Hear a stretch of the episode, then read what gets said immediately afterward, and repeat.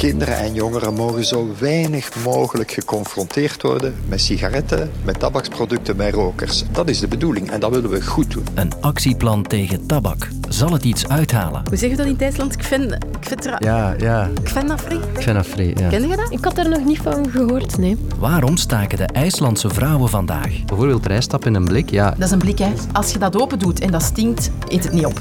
Maar als je dat open doet en dat ruikt naar rijstpap, dan moet je dat gewoon opeten. En hoe belangrijk is de houdbaarheidsdatum echt? Het ergste wat er ook kan gebeuren, is dat je de kakkerij hebt. Deze podcastaflevering blijft nog minstens één kwartier lang vers en knapperig. Ik ben Lode Roels, welkom.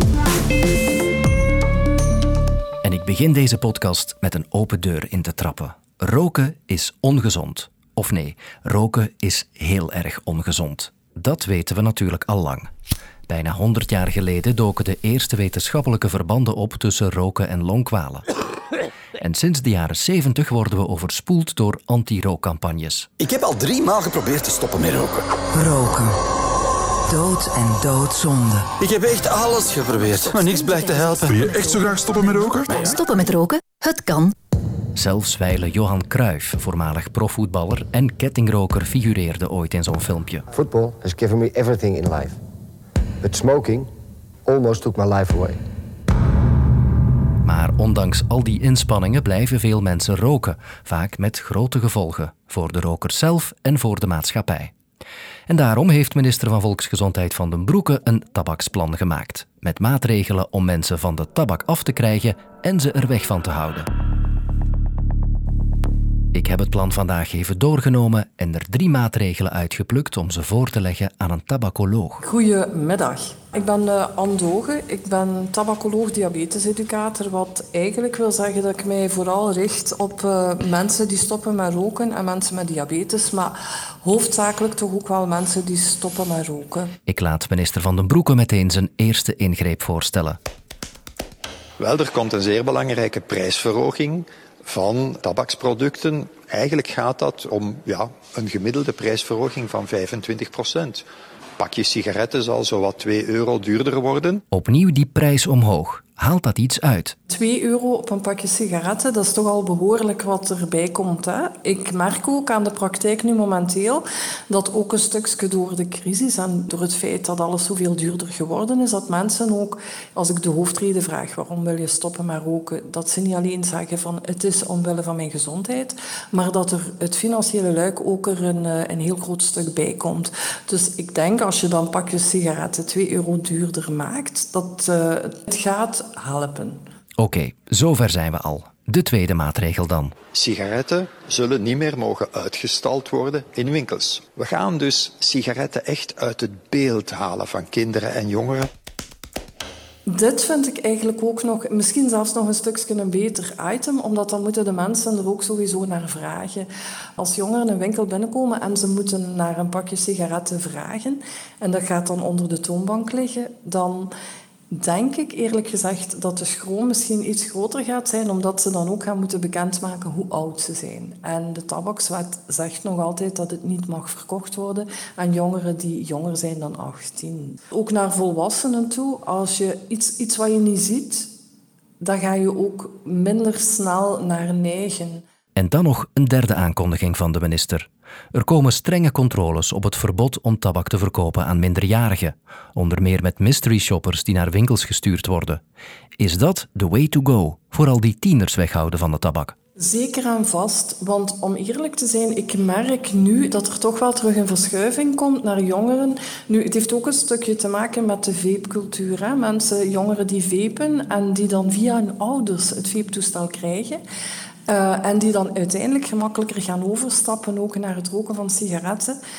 En dan merk je ook dat in bepaalde winkels dat daar gewoon vrij uh, sigaretten verkocht worden of vape-toestellen verkocht worden aan minderjarigen. Dus die mystery shoppers, ik vind het zeker en vast een goed plan om, om alles te ontraden. Allemaal stappen in de goede richting dus. Maar toch, klinkt dat niet nogal soft? Sommige landen nemen veel drastischer maatregelen, zoals Nieuw-Zeeland bijvoorbeeld. Daar mag geen tabak meer verkocht worden aan wie geboren is op of na 1 januari 2009. We want to make sure young people never start smoking. Because the truth is, there is no safe age to start smoking. Waardoor je dus eigenlijk op weg bent naar de eerste rookvrije generatie. Moeten wij ook niet kiezen voor zo'n stevige aanpak? Ik denk dat je gewoon ook eventjes moet kijken naar de mentaliteit en de levenswijze van de Australiërs en de Nieuw-Zeelanders en dan naar ons toe. Je kunt gewoon geen twee continenten met elkaar gaan vergelijken. En die drastische zet, ik sta er 100% achter hè, in Nieuw-Zeeland. Maar ik denk eerlijk gezegd dat dat binnen onze cultuur, binnen onze leefwijze, dat dat tegenovergestelde effect gaat hebben. Ik denk eerlijk gezegd dat je dan een heel grote zwarte markt gaat creëren en dat je dan ergens een stukje in, klinkt heel hard, hè, maar in de, in de misdaadscene gaat gaan zetten, dat het ondergronds gaat verkocht worden, waardoor dat er woekerprijzen gaan gebruikt worden, waardoor dat er totaal geen controle is op hetgeen dat verkocht wordt. En dan heb je, heb je dat meer in de hand.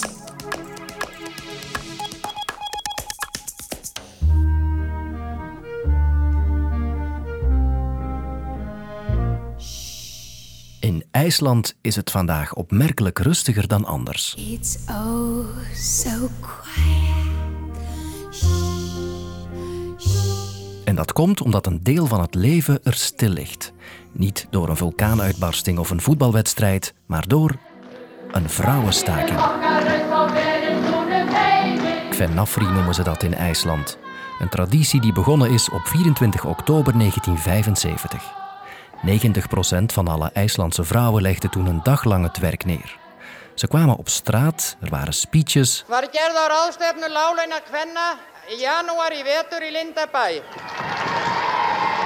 En er werd gezongen.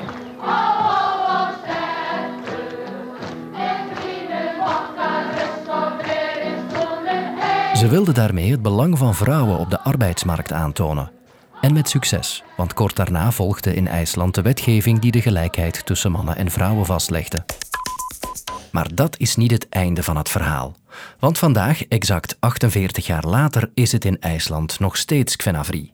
Vrij vertaald, een vrije dag voor vrouwen. Tienduizenden vrouwen leggen ook vandaag weer het werk neer en protesteren in de hoofdstad Reykjavik. Jeroen Visser, correspondent in Scandinavië, legt uit waarom ze dat nog steeds doen. Ja, dat komt eigenlijk om de simpele reden dat er nog steeds vandaag de dag een loonkloof is. Die is weliswaar wel veel kleiner dan in 1975, maar die is er nog steeds. Ja, en daarom leggen heel veel vrouwen in IJsland vandaag het werk neer. Dus je, je ziet dat zwembaden, scholen zijn dicht, hele departementen zijn onbemand. Dat is eigenlijk ja, om toch weer het landbestuur en ook bedrijven op te roepen om iets te doen aan die, die loonkloof die dus nog altijd bestaat. Dat is de premier van uh, IJsland, doet vandaag mee aan de actie. Dat is ook een vrouw, dus die, die vertoont zich daarmee ook solidair. En ze zei vandaag ook op de radio dat het dan nog veel te langzaam gaat om in de hele wereld, maar ook in IJsland, om ja, gelijke rechten te bereiken tussen mannen en vrouwen. Nochtans scoort IJsland en Scandinavië bij uitbreiding lang niet zo slecht op het vlak van vrouwenrechten. Wat je dus ziet in Scandinavië, sowieso in de ranglijst voor gendergelijkheid, staan in de top 5 bijna alleen maar Scandinavische landen. En dat gaat eigenlijk al decennia terug dat er veel aandacht is voor gendergelijkheid, gelijke rechten tussen mannen en vrouwen. Bijvoorbeeld als je kijkt naar de arbeidsparticipatie, die is onder vrouwen hier heel hoog. Dat komt ook omdat co-ouderschap eigenlijk de norm is geworden. Dus uh, mannen doen hier net zoveel uh, in de opvoeding en de zorg voor de kinderen als uh, vrouwen. Dat heeft ook weer te maken met dat daar campagne voor is gevoerd vanaf de jaren 70. Bijvoorbeeld met posters in bussen. om ja, vaders op te roepen om ook te zorgen voor, voor het kind. En in andere landen zijn ze toch wat conservatiever op dat vlak. Nou ja, en dan natuurlijk de politiek. Je ziet dat uh, het gewoon heel normaal is in Scandinavië om een vrouw als premier te hebben uh, of als president. En op dit moment in IJsland en in Denemarken een vrouw als premier. En vorig jaar hadden we natuurlijk in Finland Sanna Marin nog. Dus ja, dat zie je gewoon veel vaker dan bijvoorbeeld in Nederland en in België. Maar ondanks alles is het nog steeds niet perfect en kan het nog steeds beter. En uh, dat is ook waarom de vrouwen in IJsland nog altijd de straat op gaan. Malode! Meen je dat? Ja. Tijdens onze redactievergadering vanochtend ging het over de houdbaarheidsdatum op voedingswaren. En ik heb enkele collega's geschokt, blijkbaar. Ik zie dat mijn appelmoes bijvoorbeeld nog maar twee weken uh, geldig is, maar zal ik zeggen. appelmoes, dat is, dat is Ja, nu toch dat is uitstek nu iets maar- dat 100 jaar meegaat? Ja, maar als appelmoes, als dat na de houdbaarheidsdatum, dan ga ik je dat niet meer open doen. Echt? Waarvoor staat dat er anders op? Oh, nee! Ja. Er staan nu bij mij thuis eh, staan er op, op mijn eh, schap in mijn keuken zo, het, eh, het nu etenschap. Er staan er een aantal dingen. Het? De, het nu etenschap. Het, in de komende perioden dienen deze items gegeten te worden. Schap. Daar staan de kokosmelk, appelmoes. Kokosmelk, duizend jaar. Ja, ik geef het toe, ik hou maniacaal rekening met de datumstempel op producten. Waarom vertel ik dit nu allemaal? Wel omdat een Duitse minister een opmerkelijk voorstel deed. Lebensmittel wie Tee, Reis oder Honig bräuchten nach Ansicht von Bundesagrarminister Özdemir kein Mindesthaltbarkeitsdatum. De minister van Landbouw daar wil de houdbaarheidsdatum op rijst, honing en thee schrappen. Die dingen vervallen volgens hem toch nooit en op die manier zou er minder voedsel weggegooid worden. Wacht, wacht, wacht, wacht, wacht.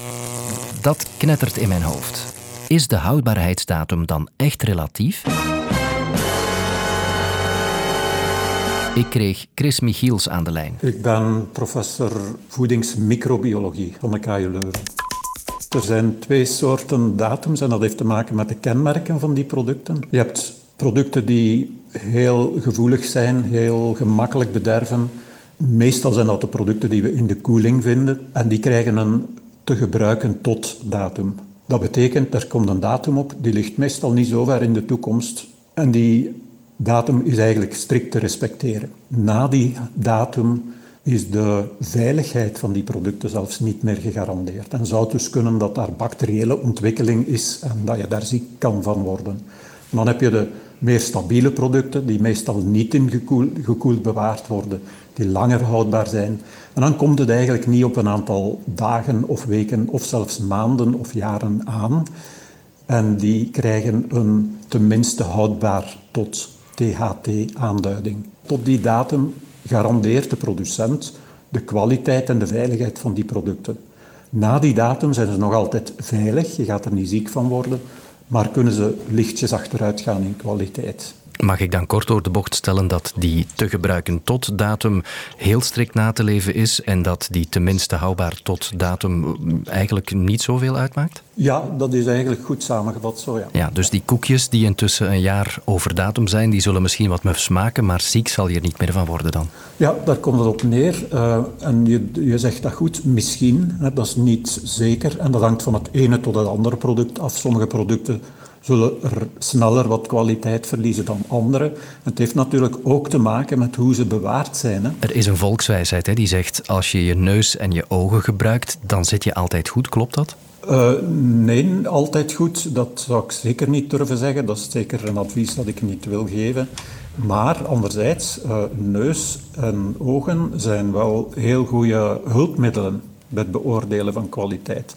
Ik zou zeggen, als je je neus of je ogen gebruikt en je merkt dat er iets mis is met een product, ja, dan zou ik het zeker niet meer consumeren. Omgekeerd is het niet altijd een goed advies om te zeggen, als ik niks verkeerd merk aan een product, het ruikt goed en het ziet er goed uit, ja, dat betekent nog niet gegarandeerd dat de veiligheid ja, uh, gegarandeerd is. Hè.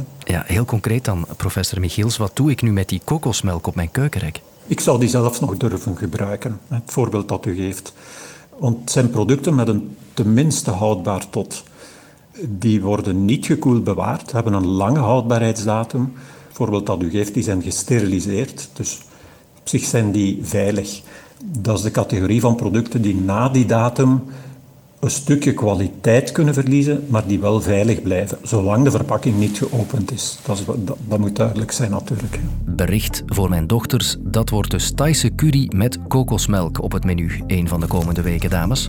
Alle vorige afleveringen van deze podcast blijven trouwens perfect houdbaar en beluisterbaar, geloof me.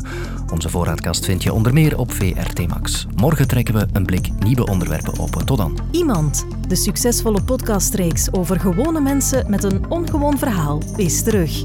Elke maand een nieuw verhaal, vanaf nu in de app van VRT Max.